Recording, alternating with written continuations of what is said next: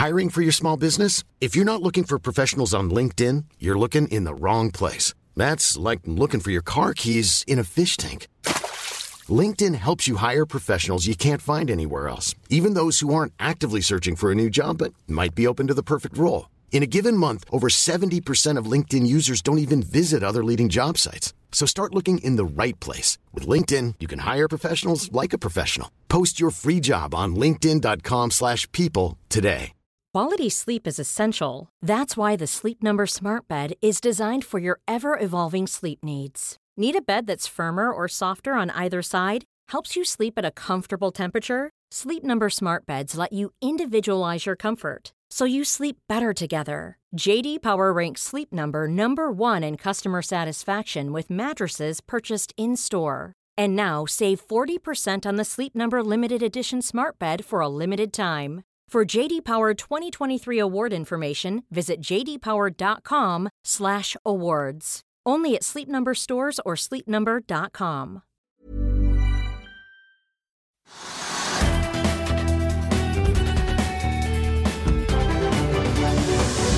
Velkommen til Økonominyhetene. I dag skal vi se nærmere på DNB-porteføljen. Men først Oslo Børs opp 0,5 Trygve, og oljeprisen den Ja. er i slaget. Ja, altså Oslo er opp en halv prosent, som du sier. og Det henger også sammen med det trolig, det som skjer i USA.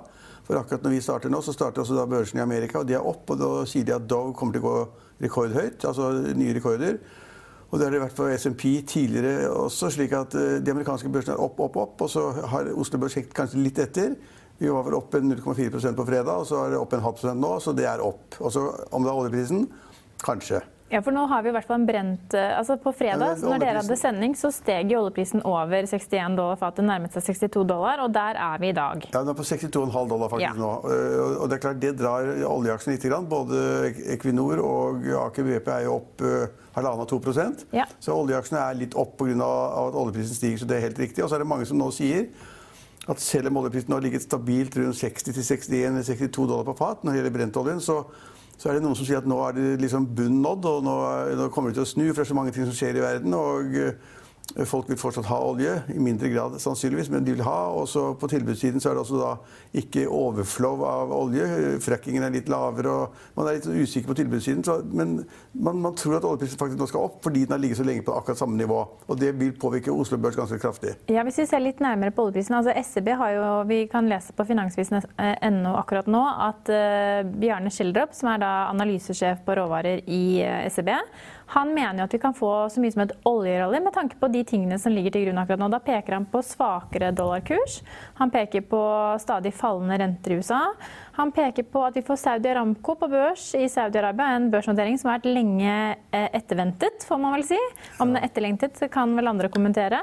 Og også det at vi nå ser at makrotallene for både Kina, Storbritannia og USA kommer inn på den positive siden. Han er veldig optimistisk. Det er mulig at han har rett, men, men det er- litt mye på en gang. fordi at eh, jeg synes det er vanskelig å se hvorfor de at eh, det, det saudiarabiske oljeselskapet, statsselskapet, at de skal da ha en IPO på rundt 1% av selskapet.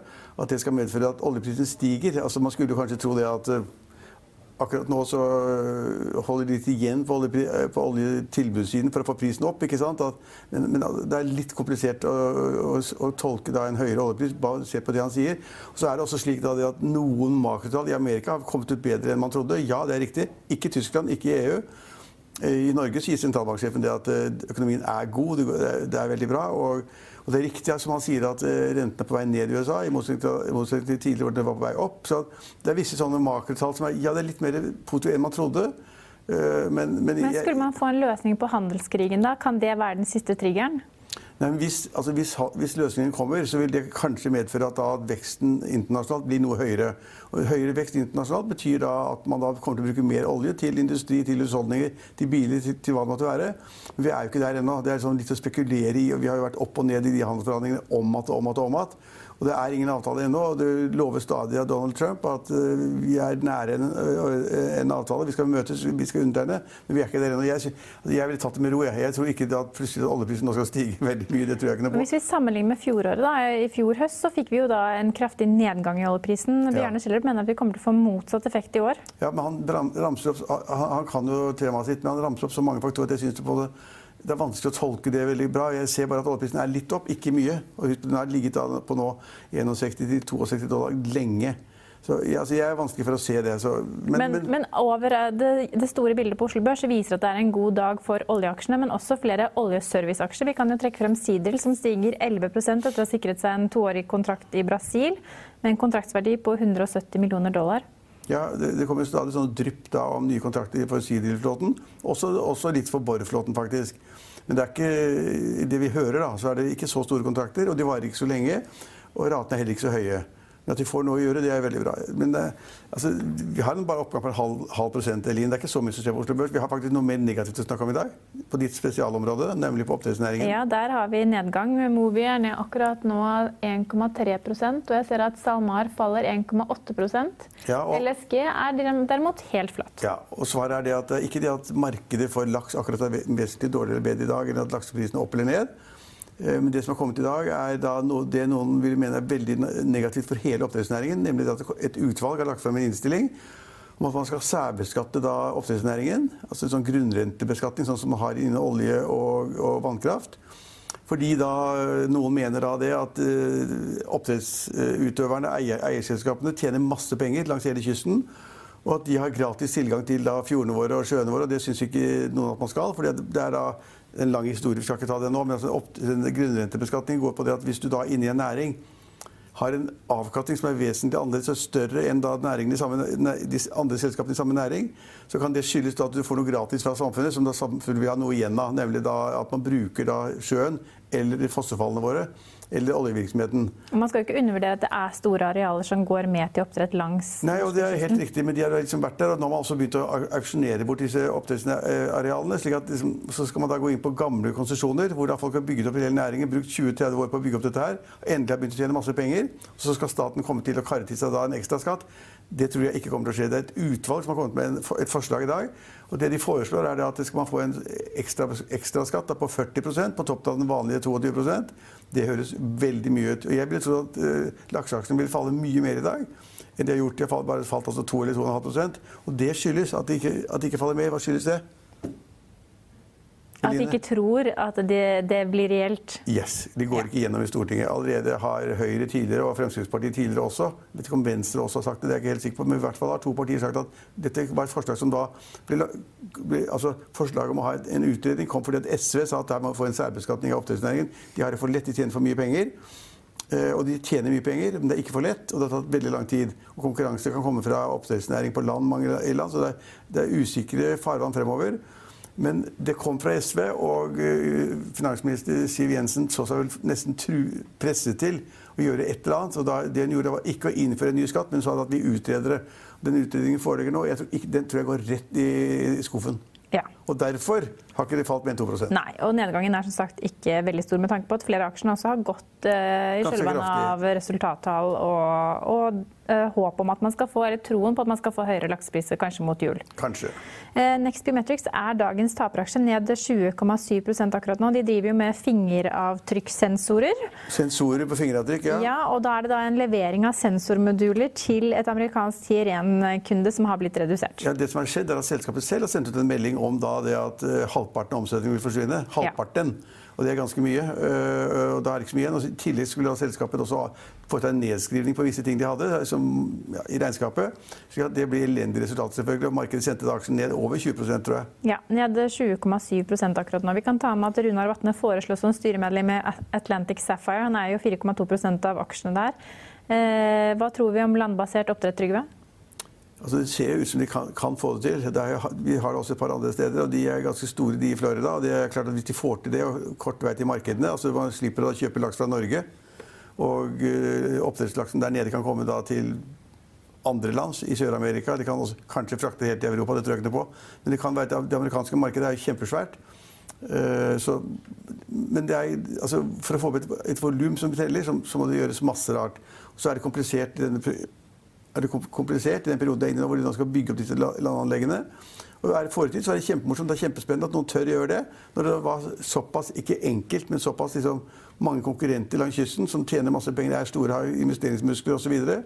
Så. Eh, da begynner vi noe helt annet. Det er ganske interessant. Og det skyldes jo også det, det at man da angivelig ikke får disse sykdommene man har når anleggene er i sjøen, som da på en måte kan gjøre at eh, fisk må slaktes og destrueres. og Det er mange ting med disse forskjellige sykdommene, og det koster masse penger. Rense fisken og fòre den og rense den og ta bort alle lusene og ta bort alle disse tingene. Det, det slipper man angivelig da hvis man har de lukkede anlegg på land. Så det er, det er mulig at det er en fremtid for dem. Jeg tror det er langt frem før, før man kan se volumer. Det betyr ikke at ikke de som da har investert i det, kan tjene penger før det.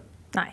Og så må vi tilbake til temaet som har vært et gjennomgangstema her de siste ukene. Kronekursen. Det har vi egentlig snakket om i lang tid. Folk har bommet og bommet og bommet. Ja. Eh, nå I dag nevnte du sentralbanksjef Øystein Olsen, som en av Finansavisens journalister har møtt, som sa at norsk økonomi gikk godt. Men han kom også inn på klimaeffekten i kronesvekkelsen. Ja, han ble spurt om av, av, av Jone Frafjord ble han spurt om om den svake kronekursen kunne ha noe med klima eller sånn å gjøre. Og da svarer sentralbanksjefen noe altså, Det var noe ullent? Noe ullent av forbokstaven. Altså, han måtte kanskje svare, og han svarte da det at Han uttalte seg vel ikke om hva kronen sto i per i dag? Han ville ikke si noe når det sto i dag, det skal han ikke gjøre heller. men han sa da det at at kronekursen er såpass svak, kan føres tilbake til, kan muligens at Norge liksom blir sett på et land som man skal ha en omstilling til det grønne skiftet osv. Og, og at dette kan bli så komplisert at mindre da, mindre da tillit til olje- og gassektoren, som skal gi oss penger i 50 år, etter min mening. Men han trodde kanskje at kronekursen var såpass svak fordi man da så på Norge og tenkte at dette landet her må jo på en måte ha en, en omstilling. Og denne, dette, ikke mistillit, men denne noe mindre troen på Norge da, kanskje har ført kronekursen ned. Det syns jeg høres kjempeteoretisk ut. altså Det er så langt frem. Hvis man skulle bruke de argumenter på andre land i Europa eller andre steder, så vil jo andre land få katastrofe. for at vi, altså Vår omstilling den vil jo, Vi har så mye penger å ta med oljefondet, som er 10 000 milliarder kroner. Og vi har lang tid å forberede oss på. Og Johan Sverdrup, oljefeltet utenfor Stavanger, har jo nettopp blitt satt i, satt i gang. Og det skal leve i 50 år. Og etter de tallene jeg har sett, så skal det gi inntekter netto til statskassen på 900 milliarder kroner. Og at da noen nå skal da være villig til å betale altså Synes at kronekursen er Eller ikke, ikke vil kjøpe norske kroner, da. Vil si, ikke vil si færre mennesker vil da sitte med kronefordringer. Fordi man ser at Norge kan få et problem med denne omstillingen. Det er søkt. Altså det er veldig søkt. Ja. ja. Noe annet, det tror jeg ingen trodde på. Noe annet som også kan være søkt, eller kommer til å søkes på i morgen, er skattelister. For da kommer eh, skatteligningen. Ja, Kan man søke? Nei, man kan, man kan, vel søke inne i Altinn, men da får jo folk vite at du har søkt på dem. Ja, Poenget er det at har, hvis den endringen fortsatt består, da, det tror jeg den gjør, så var det slik at da Fremskrittspartiet for noen år siden sammen med Høyre fant ut at det var så fælt at du eller andre journalister Vi kan søke, eller familier, da. Ja, men altså man, Under eh, selvfølgelig påskudd at vi har noe ja, men, å sjekke i en redaksjonell henseende. Ja. Generelt så var det slik at de mente at det var et, altså et angrep på privatlivets fred. At man da sjekket hva naboene hadde av inntekt og formue. Så klarte vi å få igjennom i Stortinget at man da skulle uh, si at det fikk man ikke lov til å søke. Så sa folk at jo, vi forlanger å få den åpenheten i samfunnet. At vi skal vite hva naboen har av inntekt og formue. Det har noe med åpenhet å gjøre generelt. Og da sa regjeringen OK, da. Vi skal la dere få lov å søke, men da må det hver gang noen søker på deg, altså hvis naboen din søker på deg, Line, så går det et brev til deg. Hvor, det, hvor da et forskjellig firma kan fortelle at nå, nå har da NN søkt om å få se dine tall. Og Det syns mange folk er pinlig, så da har man innført en ordning med at den som hadde søkt på, kunne få vite hvem som hadde søkt. Så sank jo da interessen for å søke helt dramatisk. Helt ja. dramatisk. Og sånn er det akkurat nå. Men man kan også... altså se inn i Altinn, mener jeg, om noen har søkt på en. Ja, ja, men det, du, du, skal ha brev i postkassen på det. det ja, Er det, det, er det så strengt, da? Det var, ja, det var iallfall det før. Ja. Jeg har fått flere sånne, jeg. Ja. Folk som har undersøkt Men du er kanskje litt mer interessant å søke på enn meg? Ja, For de som er interessert i store, ja, store valutaer, holdt ja, jeg på å si? Prinsippet om at da jeg skal få vite at, han, at Peder Aas har søkt meg, det liker ikke folk. og Derfor så falt søket. Det mener jeg er feil. Men takk og lov for at vi så, har norsk media ja, men, i morgen. vet, altså, vi i media får lov å titte på det som er viktig. Og det har også vært inntil nå noe som ingen, ingen har skjønt, faktisk. Det er slik at Hvis man da har bedt om, i visse selskaper bedt om kredittopplysning på deg eller andre, så man har fått kredittopplysning på deg. Men innebygget i de tallene så var også da formuesanslaget og inntektsanslaget, eller tallene for 2018. Så man fikk faktisk da tallene hvis man da lot som man skulle foreta en kredittopplysningssak. Så Tallene har vært tilgjengelige ganske lenge. Vi har sett avisen i Finansavisen har hatt masse tall, og det er også andre aviser, hvor man har plukket frem kjendiser og andre mennesker hva de har i inntekt og formue. Ja. Og, det, og det, det, blir sikkert et race på det i morgen, men det er ikke så spennende. Jeg, du, du, som, altså du, vet, og jeg vet, og de fleste andre som følger med, vet at de ligningstallene er langt fra virkeligheten. Altså Det er bare Kapitals oversikt over de 400 rikeste som har de reelle tallene, hvor man da Kapital har regnet ut hva de virkelig har av formue, og ikke hva de har i ligningsformue. Ja. Og hvorfor er tallene feil for 80% av befolkningen? Jeg vet hva, Der er det du som sitter på fasiten, Trygve, så den, den skal du få ta. It's yours. Nei, ja, poen, Poenget er at 80 av, av, av norske husholdninger eier jo egen bolig. 80% Som er veldig høyt internasjonalt. Og alle vet jo det at når det gjelder bolig, du vet også, jeg vet det, så vet vi at ligningsverdien som man har, er den som brukes ved formuesfastsettelsen. Og ligningsverdien den er en fjerdedel av den reelle verdien. Så alle i Norge som har egen bolig eller hytte osv., de har da en verdi i selvangivelsen som er en fjerdedel av den reelle verdien. Så alle har feil. Alle tar feil. Men det kan like hende at man får noen fasiter i morgen på Finansvisen.no. Det skal i hvert fall ikke utelukke at det kommer en skattesak eller to. Det kommer nok. Det, det kommer nok. Ja. Vi er straks tilbake med teknisk analyse av hovedindeks Brent og valuta, men først skal vi til DNB Markets for deres ferske ukesportefølje. Riktig god morgen, velkommen til morgensending. Det er mandag, og da er det ukesporteføljen som vi har på agendaen. Det var forholdsvis grei uke forrige uke. Vi var eh, opp eh, 0,7 mens eh, OCBX-indeksen var ned 0,1% Hittil i år så er porteføljen da opp eh, 14,7 mot eh, indeks opp eh, 14,3 når vi ser litt på noen av de enkeltaksjene i porteføljen, så var det Europris som var det som eh, egentlig forklarte mestegangen av oppgangen for porteføljen. Hadde sterke tall på fredag, en veldig positiv reaksjon til de tallene. Og eh, for uken så var Europris da opp 14,4 vi tror det fortsatt er mer å gå på når det gjelder Europris. Prisingen på selskapet er fortsatt relativt moderat når man ser på PM-multiple. Det er rundt 11 ganger. Så det tror jeg er fortsatt noe rom for at PM-multiplen kan stige videre. Pluss at jeg tror etter hvert så kommer det noen flere estimat-oppjusteringer fra analytikerne i Europris. Så vi syns den er en å beholde, til tross for at den var veldig sterk forrige uke. Ellers så var det Aker BP som eh, bidro litt. Der fikk vi utbytte bl.a. gjennom forrige uke. Entra var også opp eh, 1,6% mens resten av porteføljen var litt sånn så som så, kan du si. Pluss-minus omtrent eh, null. Det som var svakest, var eh, SR Bank. De hadde litt eh, dårlig resultat eh, forrige uke. Aksjen falt 5% på tallene på torsdagen. Det syns vi var litt mye i forhold til estimatjusteringen som kom i etterkant. Eh, Vi har sett eh, nå at estimatene er ned ca. 2 siden eh, i forkant av, eh, av tallene. Så vi velger å gi den en uke til, se hvordan eh, markedet velger å eh, takle akkurat den utviklingen der. Men siden PM-multiplen fortsatt er under 10, så syns vi ikke at prisingen der er noe særlig utfordrende for, eh, for SR Bank. Når vi ser på uken som vi har foran oss, så er det egentlig ikke så veldig mange selskaper, eller ingen av selskapene i vår portefølje kommer med tall, så vi velger egentlig å ikke gjøre noen endringer, siden det var eh, så vidt positivt for porteføljen totalt sett. Makromessig så er høydepunktet ISM Non-Manufacturing-indeksen som kommer i morgen. Fikk Manufacturing-indeksen forrige uke.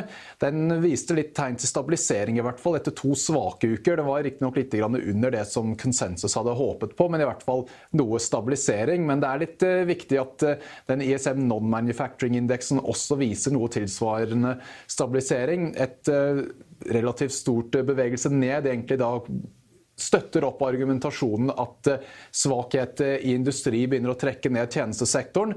Hvis tjenestesektoren klarer å holde koken, så blir det da noe mer sannsynlig at vi har kanskje sett bunnen for manufacturing-sektoren. At det da er eh, en eh, slutten på den soft-patchen som vi har hatt nå de siste månedene. Så det blir blant de viktigste tallene som vi har denne uken. Som sagt, da, ingen endringer i porteføljen. Vi får se litt eh, om noen av selskapene som kommer med rapporter denne uken, fortjener å eventuelt komme inn i porteføljen neste uke. Men eh, vi da gjør ingen endringer denne gangen, og så er vi tilbake igjen samtidig i morgen. Vi er tilbake i morgen klokken 15.30. Følg med oss igjen da.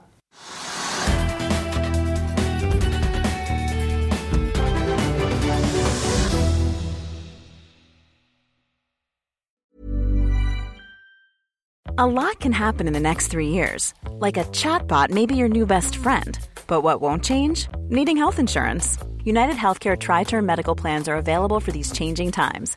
Underwritten by Golden Rule Insurance Company, they offer budget friendly, flexible coverage for people who are in between jobs or missed open enrollment. The plans last nearly three years in some states, with access to a nationwide network of doctors and hospitals. So, for whatever tomorrow brings, United Healthcare Tri Term Medical Plans may be for you. Learn more at uh1.com.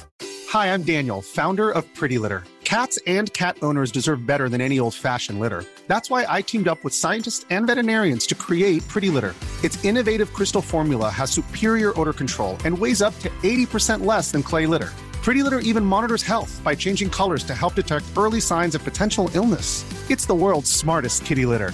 Go to prettylitter.com and use code ACAST for 20% off your first order and a free cat toy. Terms and conditions apply. See site for details. Hey, it's Paige DeSorbo from Giggly Squad. High quality fashion without the price tag? Say hello to Quince. I'm snagging high end essentials like cozy cashmere sweaters, sleek leather jackets, fine jewelry, and so much more. With Quince being 50 to 80% less than similar brands.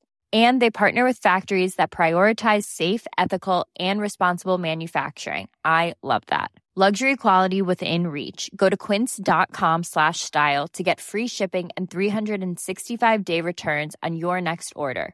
Quince.com slash style. Økonominyhetene er en podkast fra Finansavisen. Programledere er Marius Lorentzen, Stein Ove Haugen og Benedikte Storm Bamvik. Produsenter er Lars Brenden Skram og Bashar Johar. Og ansvarlig redaktør er Trygve Hegnar.